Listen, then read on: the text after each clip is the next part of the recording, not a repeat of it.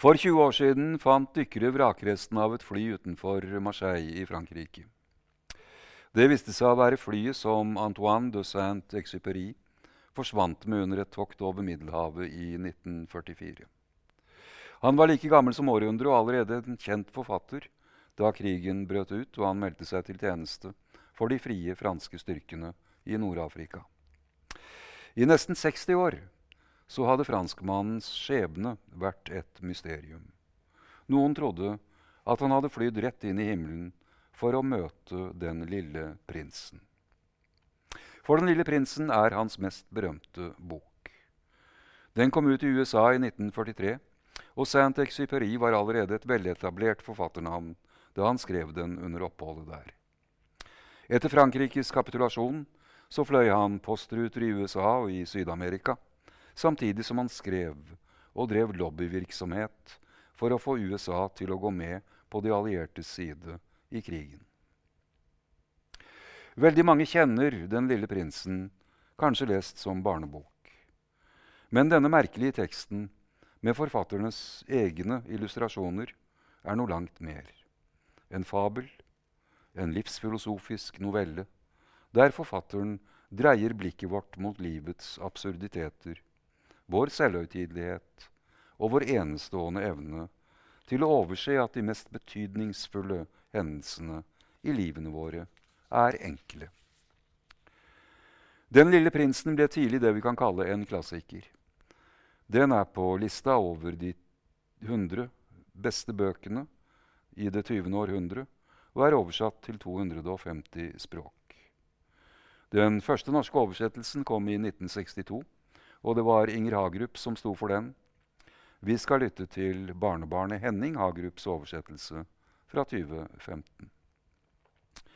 Denne fortellingen har uansett hvor fantastisk den måtte være, røtter i en virkelighet.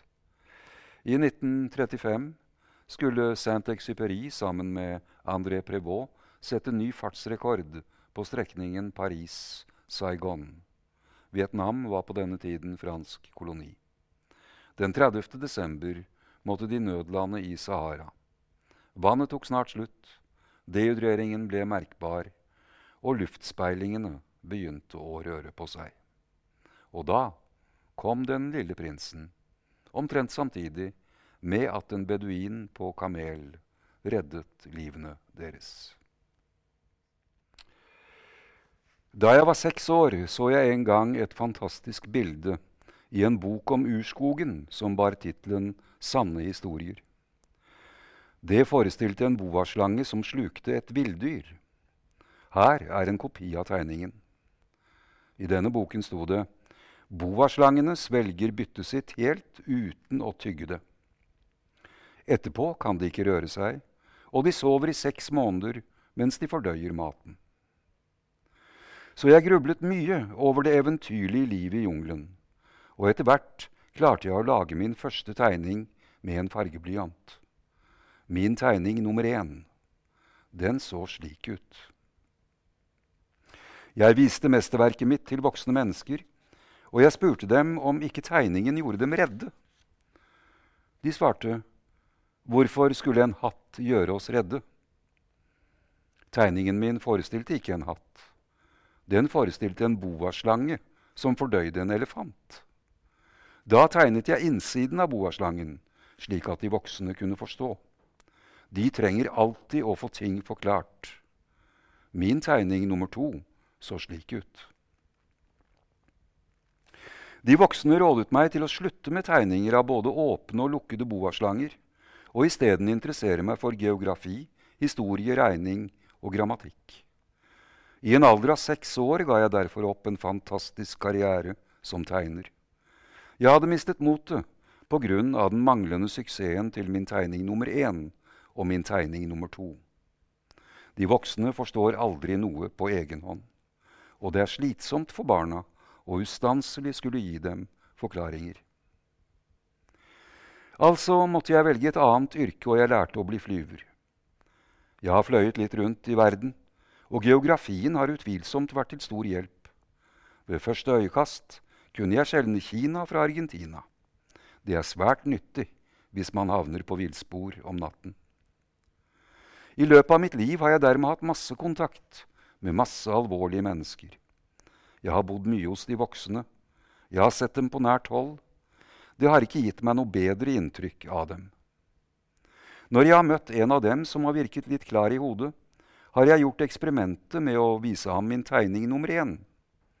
Jeg ville finne ut om han virkelig forsto noe. Men han svarte alltid 'Det er en hatt'. Da snakket jeg ikke med ham om boaslanger eller urskoger eller stjerner. Jeg stilte meg på hans nivå. Jeg snakket med ham om bridge, om golf, om politikk og om slips. Og den voksne var riktig fornøyd med å treffe en så fornuftig mann. Så jeg har levd alene uten noen jeg virkelig kunne snakke med, inntil jeg måtte nødlande i ørkenen Sahara for seks år siden. Noe var blitt ødelagt i motoren min, og siden jeg verken hadde med en mekaniker eller passasjerer, forberedte jeg meg på å gjennomføre en vanskelig reparasjon helt alene. For meg var det et spørsmål om liv eller død. Jeg hadde så vidt drikkevann for åtte dager. Den første kvelden la jeg meg til å sove i sand, tusen mil fra alle bebodde steder. Jeg var enda mer isolert enn en skipbrudden på en flåte midt ute på havet. Altså kan dere forestille dere hvor overrasket jeg ble ved daggry da jeg ble vekket av en pussig, liten stemme, og den sa, Vær så snill, tegn en sau til meg. Hva? Tegn en sau til meg. Jeg sprang opp på føttene som om jeg var blitt truffet av lynet. Jeg gned meg i øynene. Jeg så meg omkring. Og jeg fikk se en svært spesiell liten fyr som betraktet meg alvorlig. Her er det beste portrettet jeg klarte å lage av ham senere. Men tegningen min er utvilsomt mindre fortryllende enn modellen. Det er ikke min skyld. De voksne hadde fått meg til å miste troen på at jeg kunne bli tegner da jeg var seks år og jeg hadde aldri lært å tegne, bortsett fra lukkede og åpne boaslanger. Med øyne som var runde av forbløffelse, betraktet jeg denne skikkelsen. Ikke glem at jeg befant meg tusen mil fra alle bebodde områder. Likevel virket ikke den lille fyren bortkommen eller døden nær av sult eller tørst eller frykt. Han lignet slett ikke på et fortapt barn i ørken. Tusen mil fra alle bebodde områder. Da jeg endelig klarte å snakke, sa jeg til ham, Men uh, hva gjør du her? Og da gjentok han uhyre mildt, som om dette var noe svært alvorlig. Vær så snill, tegn en sau til meg. Når et mysterium gjør for sterkt inntrykk, tør man ikke å være ulydig. Uansett hvor absurd dette fortonte seg for meg, tusen mil fra alle bebodde steder, og i livsfare tok jeg et stykke papir og en penn ut av lommen. Men så husket jeg at jeg først og fremst hadde studert geografi, historie og grammatikk, så jeg sa til den lille fyren, og en smule gretten var jeg nå, at jeg ikke kunne tegne. Han svarte, det gjør ingenting, tegn en sau til meg. Ettersom jeg aldri hadde tegnet en sau, laget jeg enda en gang den ene av de to tegningene jeg får til. Det var tegningen av den lukkede boaslangen. Og jeg ble himmelfallen da jeg hørte den lille fyren utbryte. Nei, nei, jeg vil ikke ha en elefant i en boaslange. En boaslange er svært farlig, og en elefant tar for stor plass. Hos meg er det så trangt. Jeg trenger en sau. Tegn en sau til meg. Dermed tegnet jeg. Han betraktet tegningen oppmerksomt og sa, Nei, den der er allerede veldig syk, lag en annen. Jeg tegnet. Vennen min smilte vennlig med overbærenhet. Du ser vel, dette er ikke en sau, det er en vær. Den har horn. Da laget jeg hele tegningen om igjen. Men den ble forkastet, slik som de andre. Den der er for gammel, jeg vil ha en sau som lever lenge. Nå mistet jeg tålmodigheten, for det hastet med å begynne å demontere motoren min, så jeg rablet ned denne tegningen. Og jeg erklærte. Dette er en kasse. Sauen du vil ha, er inni den. Men jeg ble virkelig overrasket da jeg så at ansiktet til den lille kritikeren min lyste opp. Den er akkurat slik jeg vil ha den. Tror du at det trengs mye gress til den sauen? Hvordan det? Fordi det er så trangt hos meg. Det holder sikkert, jeg har gitt deg en veldig liten sau. Han bøyde hodet mot tegningen. Ikke så liten at uh, Nei, se, den har sovnet. Og det var slik jeg ble kjent med den lille prinsen. Det tok lang tid før jeg skjønte hvor han kom fra. Den lille prinsen, som stilte meg så mange spørsmål, virket som om han aldri lyttet til mine. Det var ord han tilfeldigvis lot falle som, litt etter litt, gjorde alt sammen klart for meg. Da han for første gang fikk øye på flyet mitt Jeg tegner ikke flyet mitt, det er en tegning som er altfor komplisert for meg, spurte han. Hva er det for en dings? Det er ikke en dings, den flyr, det er et fly. Det er flyet mitt. Og jeg var stolt over å fortelle ham at jeg fløy. Da utbrøt han. I alle dager, du har falt ned fra himmelen. Ja, svarte jeg beskjedent. Å, det var rart. Og den lille prinsen brast i en svært vakker latter som irriterte meg sterkt. Jeg vil at man skal ta uhellene mine alvorlig. Så la han til. Da kommer du også fra himmelen. Hvilken planet er du fra? Jeg skimtet straks en strime av lys som falt over mysteriet med at han var her, og jeg spurte raskt. Du kommer altså fra en annen planet? Men han svarte ikke. Han ristet sakte på hodet mens han betraktet flyet mitt. I den der kan du riktignok ikke komme særlig langt borte fra. Og han sank ned i et drømmeri som varte lenge. Så tok han sauen min ut av lommen og ga seg til å granske denne skatten. Dere kan tenke dere hvor nysgjerrig jeg var blitt av denne halve betroelsen om de andre planetene.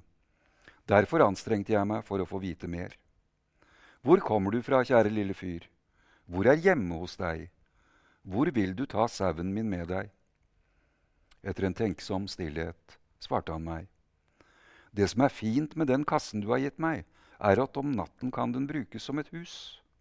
Selvsagt, og hvis du er snill, skal jeg også gi deg et tau du kan binde sauen med om dagen, og en stolpe. Forslaget, forslaget lot til å sjokkere den lille prinsen. Binde den? For en rar idé. Men hvis du ikke binder den, kan den gå hvor som helst og bli borte. Og min venn brast i latter enda en gang. Men hvor skulle den gå hen? Hvor som helst. Rett forover. Da bemerket den lille prinsen alvorlig. Det gjør ingenting. Det er så lite hjemme hos meg. Så tilføyde han, kanskje litt melankolsk, går man rett forover, kommer man ikke så langt. Dermed hadde jeg fått vite enda en svært viktig ting. Planeten han kom fra, var ikke særlig mye større enn et hus. Det forundret meg ikke stort. Jeg visste godt at i tillegg til de store planetene, som man har gitt navn til, slik som Jorden, Jupiter, Mars, Venus, finnes det hundrevis av andre som innimellom er så små at det er fryktelig vanskelig å få øye på dem i teleskopet. Når en astronom oppdager en av dem, gir han dem tall og navn. Han kaller den f.eks. asteroide 3251.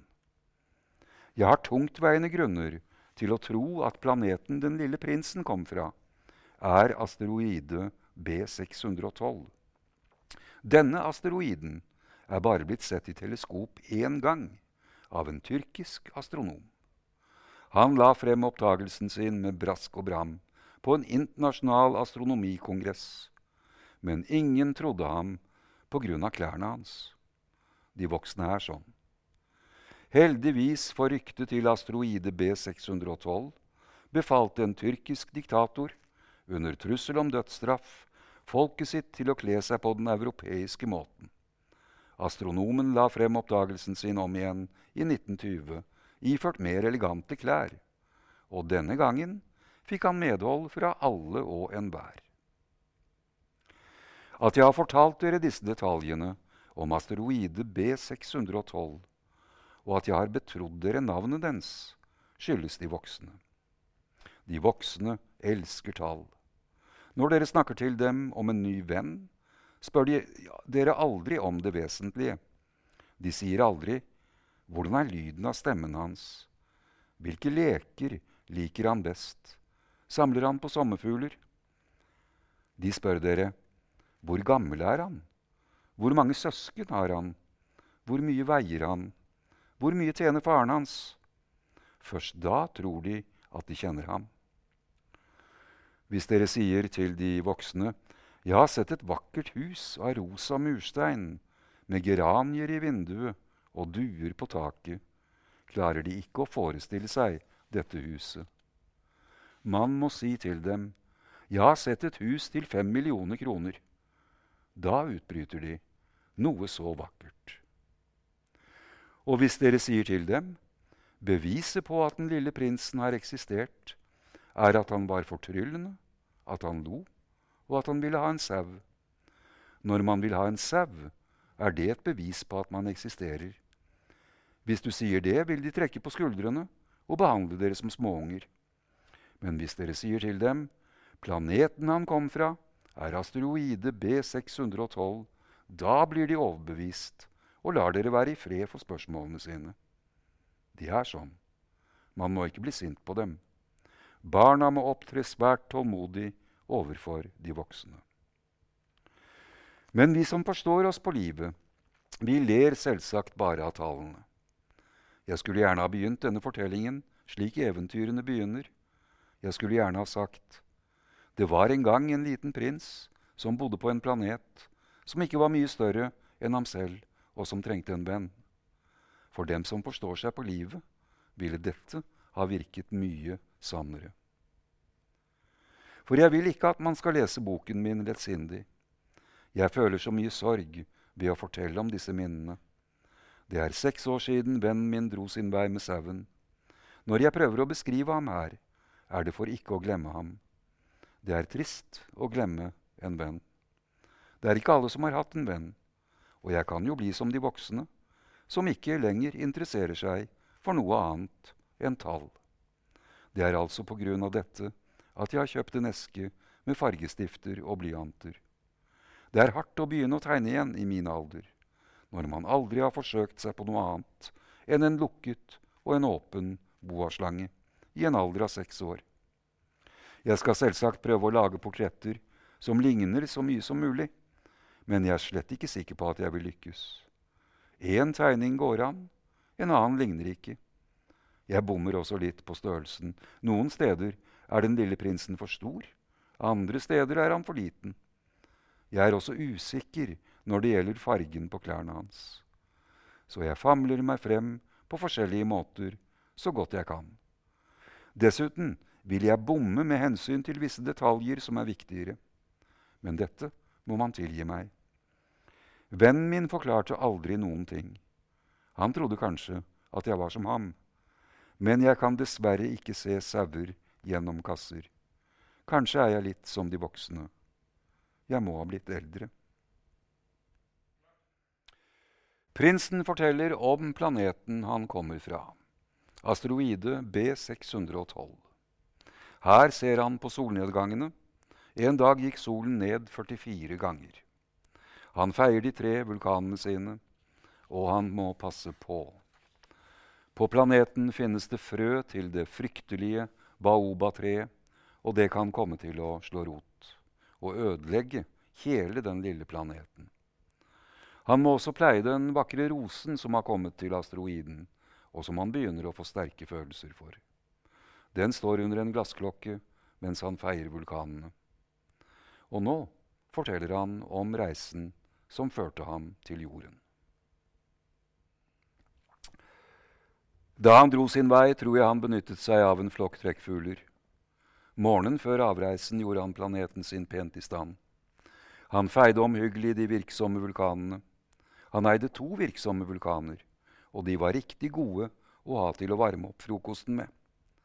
Han eide dessuten en sluknet vulkan, men som han sa, man vet aldri. Så derfor feide han også den sluknede vulkanen. Hvis de er blitt godt feid, brenner vulkanene mildt og jevnt uten å få utbrudd.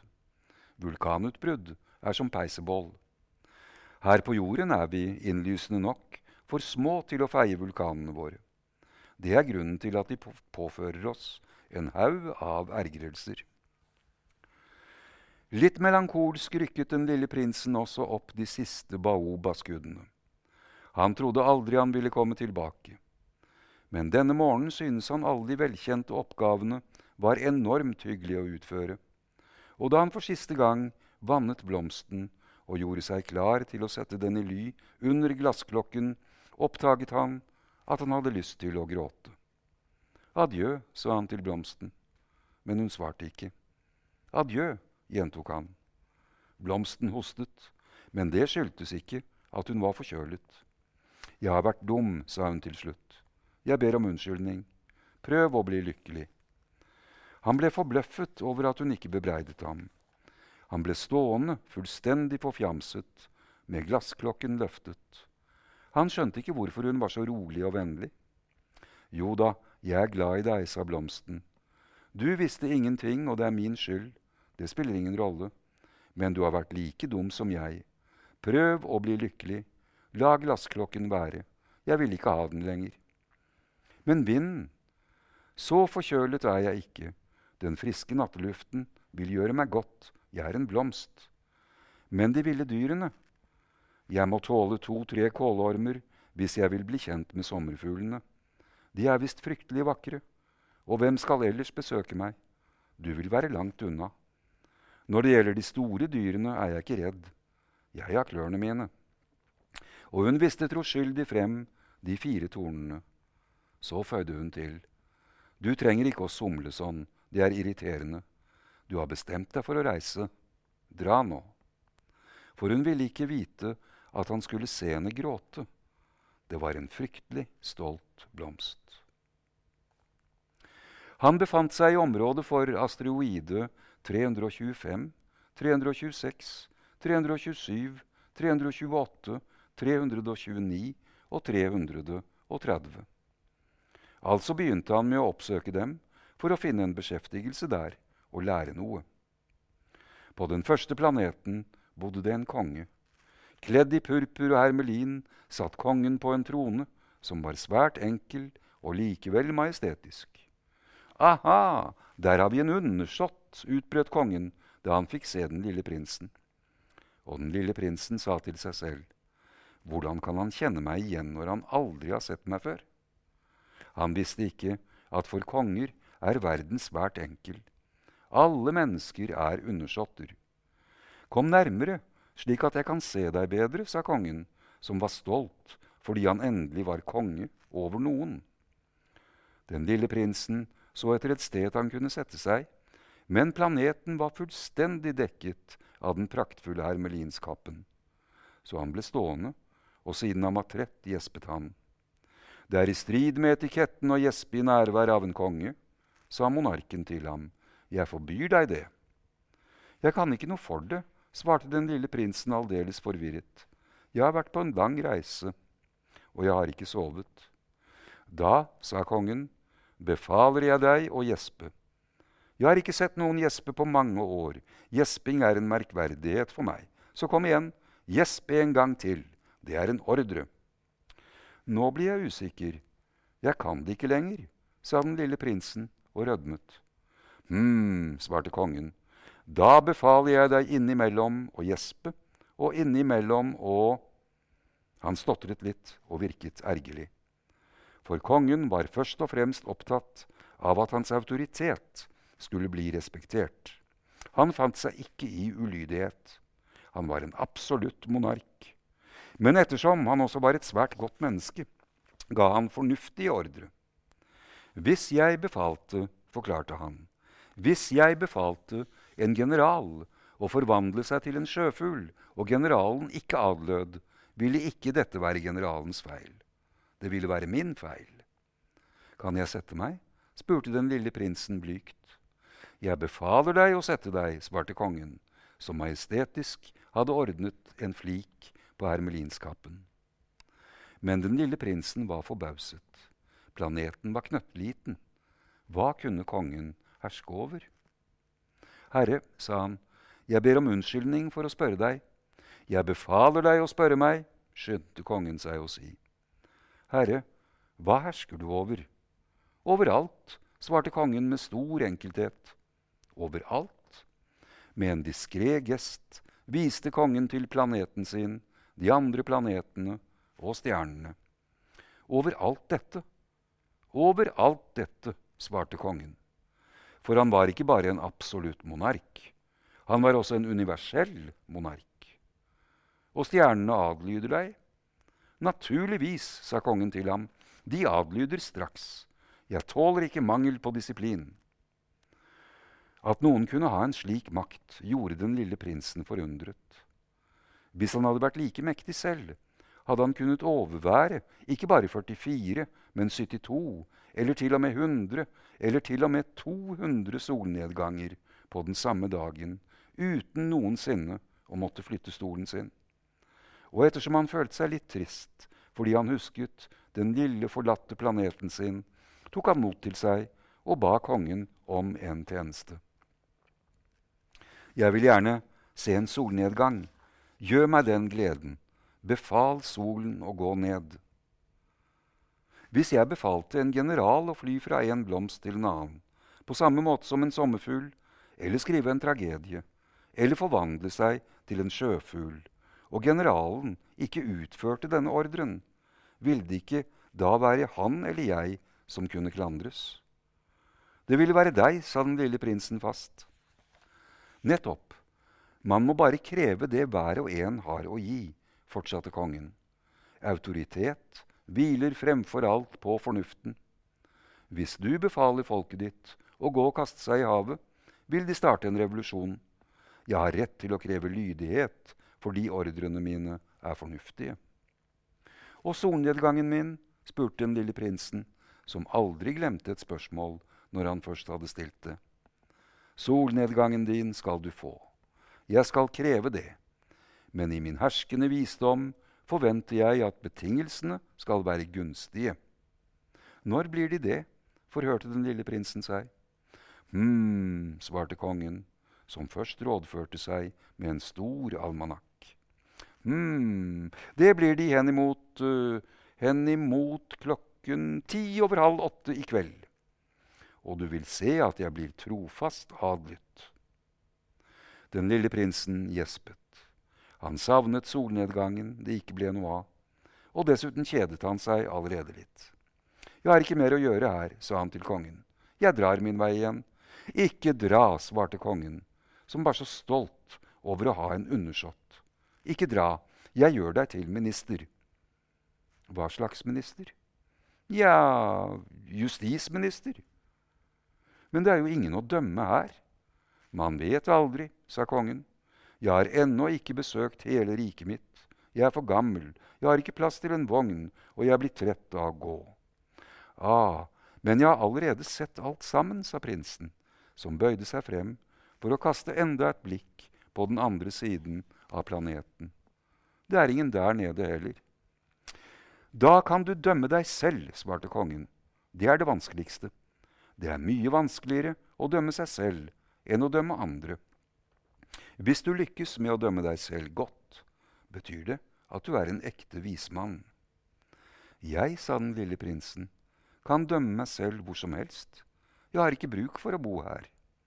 Hm, sa kongen, jeg tror faktisk at det et sted på planeten min finnes en gammel rotte. Jeg hører den om natten. Du kan dømme den gamle rotta. Fra tid til annen dømmer du den til døden. Slik vil dens liv være avhengig av din rettferdighet. Men du benåder den hver gang for å spare den. Det finnes jo bare én her. Jeg, svarte den lille prinsen, liker ikke å dømme noen til døden, og nå tror jeg at jeg reiser min vei. Nei, sa kongen. Den lille prinsen, som hadde gjort seg klar til å reise, ville jo slett ikke plage kongen.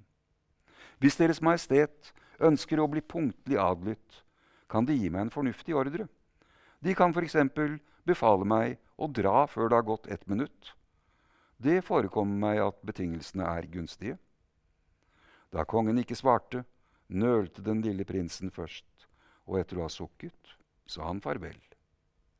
Jeg gjør deg til ambassadøren min, skyndet kongen seg å rope. Han så ut som et menneske med stor autoritet. De voksne er jammen merkelige, sa den lille prinsen til seg selv på reisen. På den andre planeten bodde det en forfengelig mann. Aha, aha, her kommer en beundrer på besøk, utbrøt den forfengelige da han på lang avstand fikk se den lille prinsen. For de forfengelige er nemlig alle andre mennesker beundrere. God dag, sa den lille prinsen. For en pussig hatt du har. Det er for å hilse, svarte den forfengelige. Det er for å hilse når man applauderer for meg. Uheldigvis er det ingen som drar forbi her. Jaså, sa den lille prinsen, som ikke skjønte noe. Slå hendene dine mot hverandre, forklarte den forfengelige. Den lille prinsen slo altså hendene mot hverandre. Den forfengelige hilste beskjedent ved å løfte på hatten. Dette er morsommere enn besøket hos kongen, sa den lille prinsen til seg selv. Og igjen slo han hendene mot hverandre. Den forfengelige hilste igjen ved å løfte på hatten. Etter fem minutters trening ble den lille prinsen lei av den ensformige leken. Og hvis man ville hatten skal ned, spurte han, hva må man gjøre da? Men den forfengelige hørte ikke. De forfengelige hører aldri noe annet enn lovprisninger. Er det sant at du beundrer meg høyt? Spurte han den lille prinsen. Hva betyr å beundre? Å beundre betyr å innse at jeg er den peneste, den mest velkledde, den rikeste og den mest intelligente på planeten. Men du er jo den eneste på planeten. Gjør meg denne gleden, kan du ikke beundre meg likevel? Jeg beundrer deg, sa den lille prinsen og trakk litt på skuldrene. Men hvordan kan dette interessere deg? Og den lille prinsen dro sin vei. De voksne er så avgjort ganske selsomme, sa han simpelthen til seg selv på reisen. På den neste planeten bodde det en dranker. Dette besøket ble svært kort, men det hensatte den lille prinsen i dyp melankoli. Hva gjør du for noe? sa han til drankeren, som han fant sittende i taushet foran en samling tomme flasker og en samling fulle flasker. Jeg drikker, svarte drankeren med et dystert ansiktsuttrykk. Hvorfor drikker du? vil den lille prinsen vite. For å glemme, svarte drankeren. For å glemme hva da? spurte den lille prinsen, som allerede syntes synd på ham. For å glemme at jeg skammer meg, bekjente drankeren og senket hodet. Hva skammer du deg over? Undret den lille prinsen, som gjerne ville hjelpe ham. Jeg skammer meg fordi jeg drikker, sa drankeren og stengte seg inne i tausheten for godt. Og den lille prinsen dro sin vei, ganske perpleks. De voksne er så avgjort svært, svært selsomme, sa han til seg selv på reisen. Den fjerde planeten tilhørte en forretningsmann. Denne mannen var så opptatt at han ikke engang løftet hodet da den lille prinsen ankom. God dag, sa prinsen. Sigaretten din har sluknet. Tre pluss to er fem, fem pluss to er tolv, tolv pluss tre er 15. God dag. 15 pluss sju er 22, 22 pluss seks er 28. Har ikke tid til å tenne den igjen. 26 pluss fem er 31. Pø! Det blir altså 501 622 731. 500 millioner hva da? spurte den lille prinsen. Hæ? Er du fremdeles der? 501 millioner. Jeg husker det ikke lenger. Jeg har fryktelig mye å gjøre. Jeg er en alvorlig mann. Jeg morer meg ikke med tøv og tull. To pluss fem er sju. 500 millioner hva da? gjentok den lille prinsen, som aldri i sitt liv ga slipp på et spørsmål når han først hadde stilt det. Forretningsmannen løftet hodet.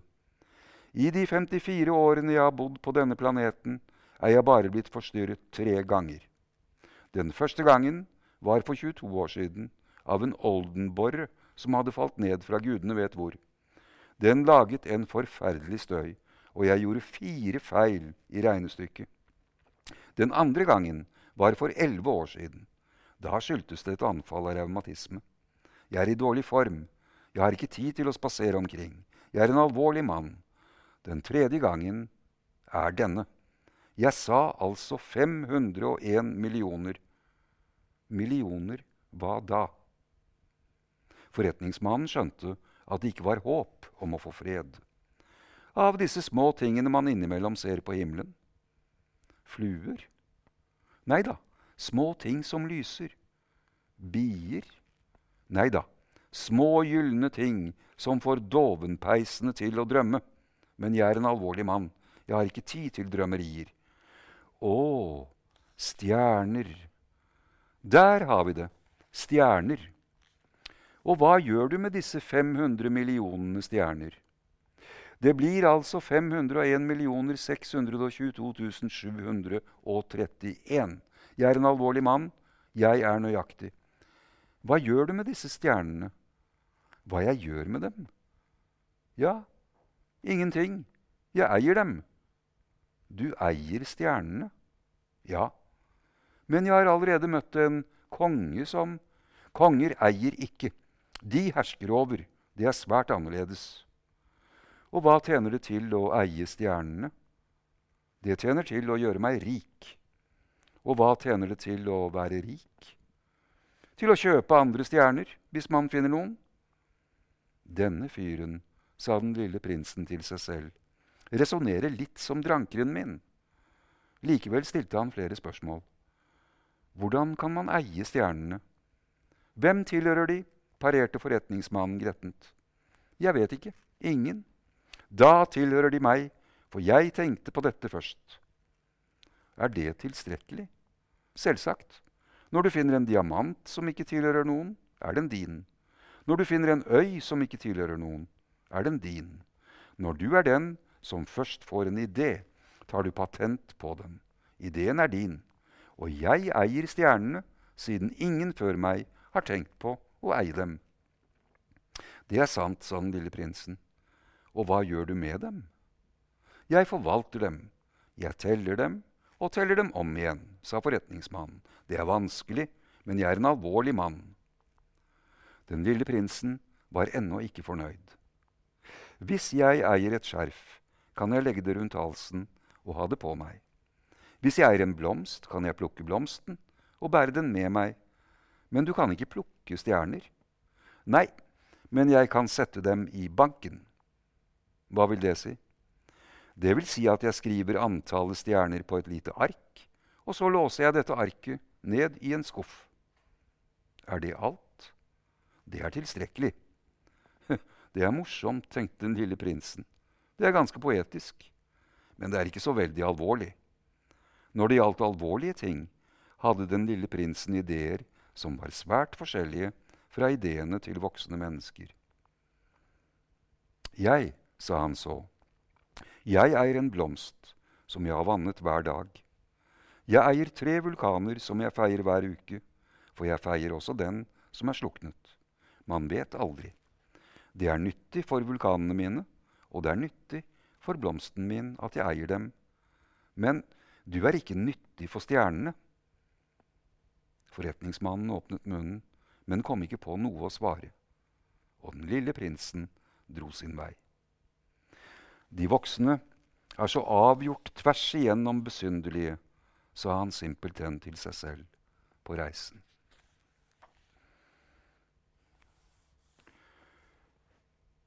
Den femte planeten var svært merkelig.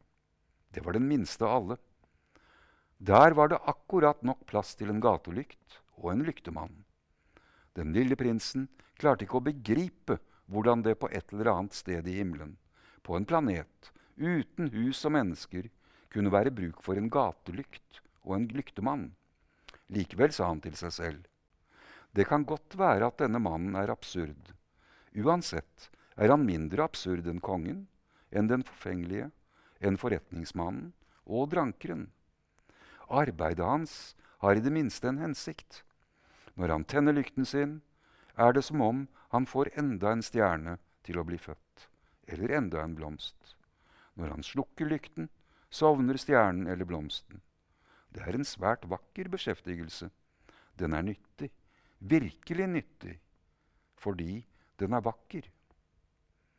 Da han landet på planeten, hilste han lyktemannen respektfullt. God morgen. Hvorfor har du slukket lykten din? Det er instruksen, svarte lyktemannen. God morgen. Hva er instruksen? Det er å slukke lykten. God kveld. Og han tente den igjen. Men hvorfor har du tent den igjen? Det er instruksen, svarte lyktemannen. Jeg forstår ikke, sa den lille prinsen. Det er ingenting å forstå, sa lyktemannen. Instruksen er instruksen. God morgen. Og han slukket lykten. Så tørket han seg i pannen med et rødrutet lommetørkle. For et redselsfullt yrke jeg har. Før i tiden var det fornuftig.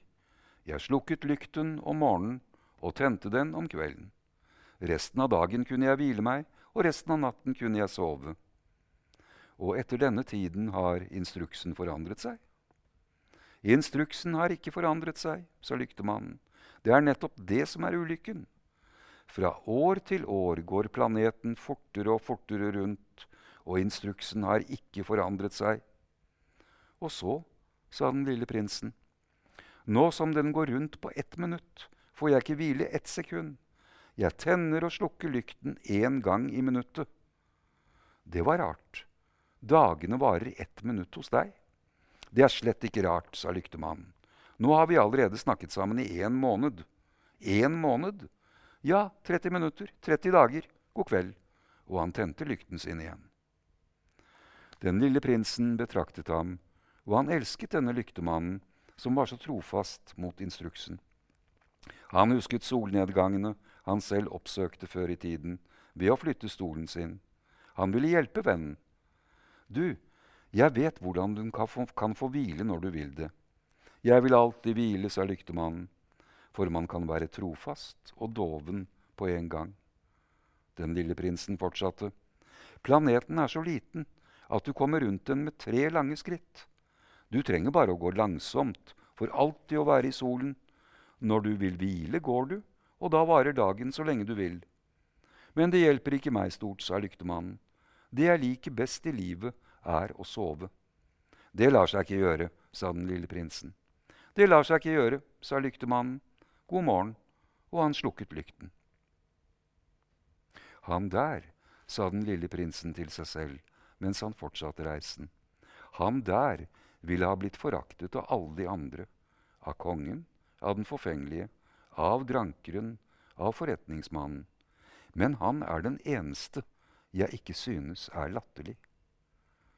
Kanskje skyldes det at han er opptatt av noe annet enn seg selv.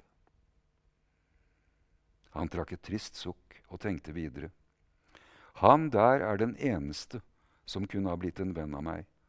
Men planeten er virkelig for liten. Det er ikke plass til to. Det den lille prinsen ikke våget å innrømme overfor seg selv, var at han først og fremst savnet den lykkelige planeten på grunn av de 1440 solnedgangene per døgn. Den sjette planeten var ti ganger så stor. Der bodde det en gammel herre som skrev enorme bøker. Se, der har vi en opptagelsesreisende, utbrøt han da han fikk øye på den lille prinsen. Den lille prinsen satte seg ved bordet hans og peste litt. Han hadde allerede reist mye. Hvor kommer du fra? sa den gamle herren til ham. Hva er den tykke boken for noe? spurte den lille prinsen. Hva holder du på med? Jeg er geograf, sa den gamle æren. Hva er en geograf? Det er en lærd som vet hvor havene befinner seg, og elvene, byene, fjellene og ørkenene. Det var jammen interessant, sa den lille prinsen. Der har vi endelig et skikkelig yrke. Og han kastet et blikk rundt seg på planeten til geografen. Han hadde aldri før sett en så majestetisk planet. Så vakker den er, planeten din. Finnes det hav her? Det kan jeg umulig vite, sa geografen. Å, den lille prinsen var skuffet. Og fjell? Det kan jeg umulig vite, sa geografen. Og byer og elver og ørkener? Det kan jeg heller ikke vite, sa geografen. Men du er geograf. Det stemmer, sa geografen, men jeg er ikke oppdagelsesreisende. Jeg trenger sårt til folk som er oppdagelsesreisende. Det er ikke geografen som gjør opptellingen av byene, elvene, havene eller ørkenene. Geografen er for betydningsfull til å flakke omkring. Han forlater aldri kontoret sitt, men han mottar de oppdagelsesreisende der. Han spør dem ut, og han noterer seg og husker. Og hvis det en av dem husker virker interessant, iverksetter geografen en undersøkelse av den oppdagelsesreisendes moral. Hvorfor det? Fordi en oppdagelsesreisende som lyver, ville ha for, forårsaket katastrofer i geografibøkene. Det samme gjelder en oppdagelsesreisende som drikker for mye. Hvorfor det? Fordi drukkenbolter ser dobbelt. Da vil geografen skrive at det finnes to fjell der det bare finnes ett. Jeg kjenner noen, sa den lille prinsen, som ville ha vært en dårlig oppdagelsesreisende. Det kan være. Så når den oppdagelsesreisendes moral virker god, forhører man seg om det han har oppdaget. Drar man og ser på det? Nei, det er altfor komplisert. Men man krever at den oppdagelsesreisende legger frem beviser. Hvis det f.eks. dreier seg om oppdagelsen av et stort fjell, krever man at han tar med seg store steiner. Geografen ble plutselig opphisset. Men du kommer jo langveisfra. Du er oppdagelsesreisende. Du skal beskrive planeten din for meg. Og geografen, som hadde åpnet protokollen sin, spisset blyanten. Fortellingene til oppdagelsesreisende skriver man først ned med blyant. Man venter med å skrive dem ned med blekk til den oppdagelsesreisende har lagt frem beviser. Nå, spurte geografen. Å, hjemme hos meg, sa den lille prinsen. Er det ikke særlig interessant? Det er veldig lite der. Jeg har tre vulkaner. To vulkaner som er virksomme, og én vulkan som har sluknet. Men man vet aldri. Man vet aldri, sa geografen. Jeg har en blomst også. Vi skriver ikke ned blomster, skal geografen. Hvorfor ikke?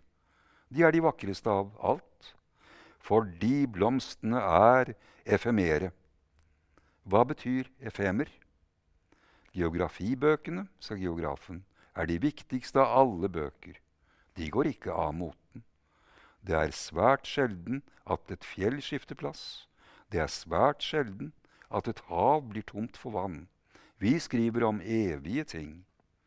Men sluknede vulkaner kan våkne til liv igjen, avbrøt den lille prinsen. Hva betyr efemer?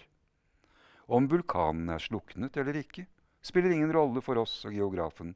Det som teller for oss, er fjellet. Det forandrer seg ikke. Men hva betyr efemer? gjentok den lille prinsen, som aldri i sitt liv hadde gitt slipp på et spørsmål når han først hadde stilt det. Det betyr som står i fare for snart å forsvinne. Blomsten min står i fare for snart å forsvinne. Ja visst, Blomsten min er efemer, sa den lille prinsen til seg selv. Og den har bare fire torner og forsvarer seg mot verden med. Og jeg har latt den være alene igjen hjemme. Dette var første gang han følte anger, men han fattet nytt mot. Hva anbefaler meg, du meg å dra for å besøke? spurte han. Planeten Jorden, svarte geografen. Den har et godt rykte. Og den lille prinsen reiste sin vei mens han tenkte på blomsten. Framme på jorden blir den lille prinsen overrasket over ikke å se noen. Etter en stund møter han slangen, som forteller ham at han har landet i Afrika. Og han går gjennom ørkenen og spør seg selv hvor menneskene er. Men foreløpig så møter han ikke menneskene. Derimot møter han et dyr med en helt spesiell visdom. Det var da reven dukket opp. God dag, sa reven. God dag, svarte prinsen høflig. Han snudde seg, men så ingenting. Jeg er her, sa stemmen, under epletreet. Hvem er du? sa den lille prinsen. Du er veldig vakker. Jeg er en rev, sa reven. Kom og lek med meg, foreslo den lille prinsen. Jeg er forferdelig trist. Jeg kan ikke leke med deg, sa reven. Jeg er ikke blitt temmet. Å, unnskyld, sa den lille prinsen. Men etter å ha tenkt seg om, tilføyde han, hva betyr å temme?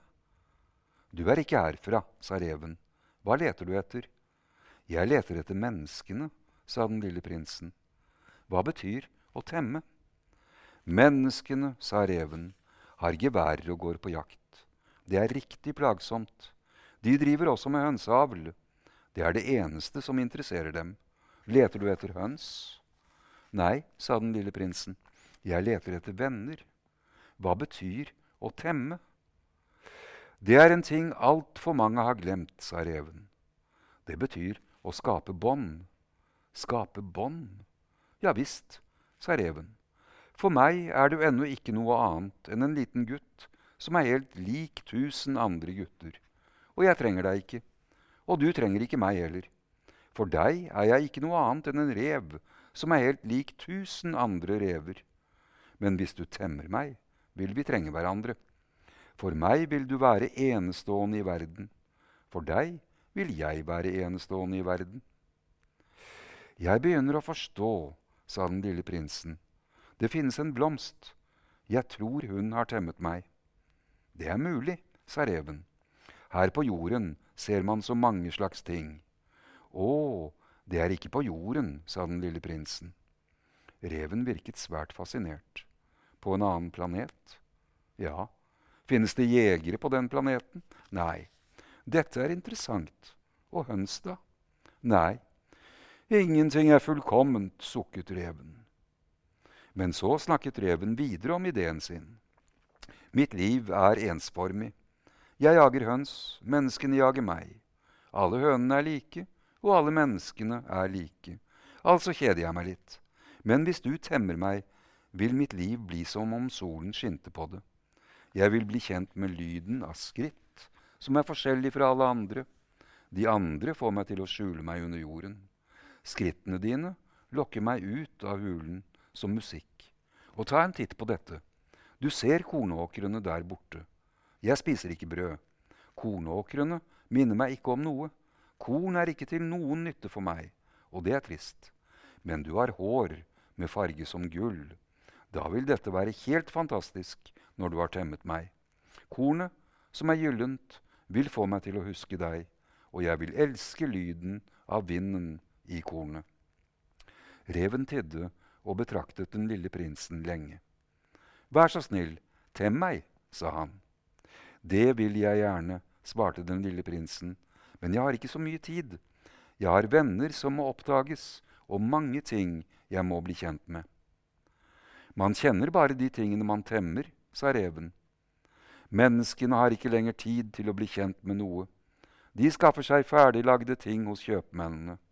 Men siden det ikke finnes kjøpmenn som selger venner, har heller ikke menneskene noen venner lenger. Tem meg hvis du vil ha en venn. Hva må man gjøre? spurte den lille prinsen. Man må være svært tålmodig, svarte reven.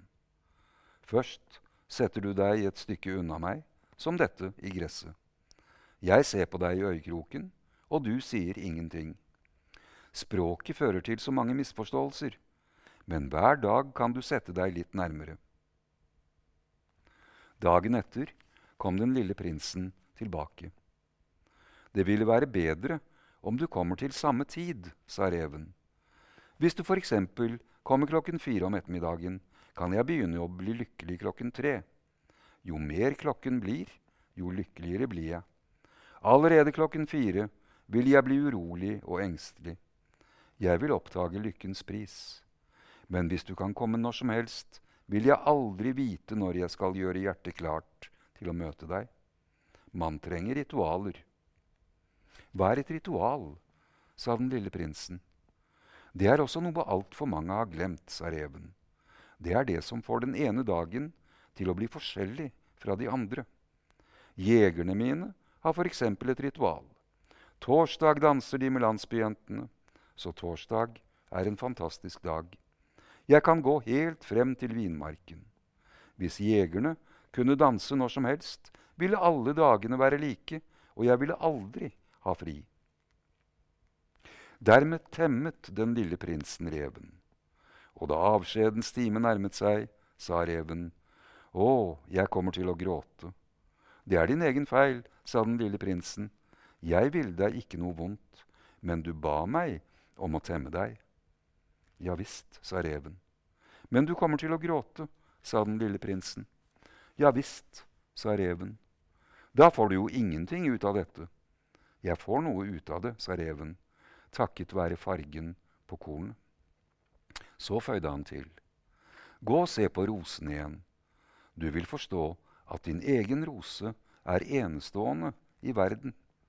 Kom tilbake til meg og si adjø, og jeg skal gi deg en hemmelighet i gave. Den lille prinsen gikk og så på rosene igjen. Dere ligner slett ikke rosen min, dere er ingenting ennå, sa han til dem. Ingen har temmet dere, og dere har heller ikke temmet noen. Dere er slik reven min var. Det var en rev som var helt lik hundre tusen andre, men jeg gjorde ham til min venn, og nå er han enestående i verden. Og rosene følte seg riktig forlegne. Dere er pene, men dere er tomme, sa han til dem. Man kan ikke dø for dere. En tilfeldig forbipasserende ville synes at rosen min ligner på dere, men hun alene er viktigere enn alle dere, for det er henne jeg har vannet. For det er henne jeg har satt under en glassklokke, for det er henne jeg har beskyttet med skjermbrettet. Det er for hennes skyld jeg har drept kålormer, bortsett fra to-tre som skal bli sommerfugler. For det er henne jeg har hørt klage eller skryte, eller til og med tie en gang iblant, for det er min rose. Og han gikk tilbake til reven. Adjø, sa han. Adjø, sa reven. Her er hemmeligheten min. Den er svært enkel. Man ser godt bare med hjertet. Det viktigste er usynlig for øynene. Det viktigste er usynlig for øynene, gjentok den lille prinsen for å huske det. Det er tiden du har kastet bort på rosen din, som gjør henne så viktig. Det er tiden jeg har kastet bort på rosen min, sa den lille prinsen for å huske det. Menneskene har glemt denne sannheten, sa reven, men du må ikke glemme den. Du vil bestandig ha ansvar for det du har temmet. Du har ansvar for rosen din. Jeg har ansvar for rosen min, gjentok den lille prinsen for å huske det. Den lille prinsen må tilbake til asteroide B612. Han er langt fra imponert over menneskenes gjøren og laden. De lar seg stue inn i hurtigtog som kjører rundt og rundt, og menneskene vet ikke hva de leter etter. Piloten Saint-Exupéry og den lille prinsen begir seg ut på vandring i ørkenen for å finne vann, og etter hvert så er tiden inne for avskjed. Og avskjeden, den er smertefull, som livet selv. Den natten så jeg ikke at han dro sin vei. Han forsvant uten en lyd. Da jeg klarte å ta ham igjen, gikk han med bestemte, raske skritt. Han sa bare til meg, 'Å, der er du.' Og han tok meg i hånden. Men han bekymret seg fremdeles. 'Dette var galt av deg. Du vil bli lei deg.' 'Det vil virke som om jeg er død, og det er ikke sant.' Jeg tidde. 'Du forstår, det er for langt. Jeg kan ikke frakte kroppen min dit. Den er for tung.' Jeg tidde. 'Den vil være som et gammelt, avlagt skall. Det er ikke noe trist.' ved gamle skall. Jeg tidde. Han mistet motet litt, men han gjorde et nytt forsøk. Det vil bli fint, skjønner du. Også jeg skal se på stjernene. Alle stjernene vil være brønner med en rusten bøtte. Alle brønnene vil gi meg vann å drikke. Jeg tidde. Det blir morsomt. Du vil ha 500 millioner bjeller. Jeg vil ha 500 millioner kilder. Og han tidde også fordi han gråt. Der er det, la meg gå videre helt alene. Og han satte seg, for han var redd. Så sa han, du vet, blomsten min, jeg har ansvar for henne, og hun er så svak, og hun er så naiv. Hun har fire fullstendig ubrukelige torner til å forsvare seg mot hele verden med. Jeg satte meg siden jeg ikke lenger greide å holde meg oppreist. Han sa, Sånn, det var alt. Han nølte litt til, så reiste han seg. Han tok et skritt fremover, men jeg kunne ikke røre meg. Det var ikke noe mer enn et gult lyn like ved ankelen hans. Et øyeblikk ble han stående ubevegelig. Han skrek ikke. Han falt mykt, slik et tre faller. Det laget ikke engang noen lyd på grunn av sanden. Og nå er det allerede seks år siden. Ennå har jeg ikke fortalt denne historien til noen. De kameratene som traff meg, var riktig glade for å se meg igjen i live. Jeg var lei meg, men jeg sa til dem, det er fordi jeg er trett. Nå har jeg trøstet meg litt, det vil si, ikke helt. Men jeg vet godt at han kom tilbake til planeten sin, for da dagen grydde, fant jeg ikke kroppen hans igjen. Det var ikke en særlig tung kropp, og om natten elsket jeg å se på stjernene. Det er som 500 millioner bjeller. Men det hadde hendt noe ergerlig. Jeg hadde glemt å feste en lærrem til munnkurven jeg tegnet til den lille prinsen. Han ville aldri kunne binde den fast på sauen i boksen. Så jeg spør meg selv, hva har skjedd på planeten hans? Kanskje sauen har spist blomsten? Men deretter sier jeg til meg selv, naturligvis ikke. Hver natt lukker den lille prinsen blomsten inne i en glassklokke, og han holder grundig øye med sauen. Da blir jeg lykkelig, og alle stjernene ler blidt. Men så sier jeg til meg selv, man er litt åndsfraværende innimellom, og det er tilstrekkelig. En kveld har han glemt glassklokken, eller kanskje sauen har gått lydløst ut i løpet av natten. Da blir alle bjellene forvandlet til tårer. Dette er virkelig et stort mysterium. For dere som elsker den lille prinsen like høyt som jeg, vil ingenting i universet være som før, hvis på et sted som ingen vet hvor er, en sau vi ikke kjenner, har spist en rose. Se på himmelen, spør dere selv. Har sauen spist rosen eller ikke? og dere vil oppdage hvordan alt forandrer seg. Og ingen voksne mennesker vil noensinne forstå hvorfor dette er så viktig.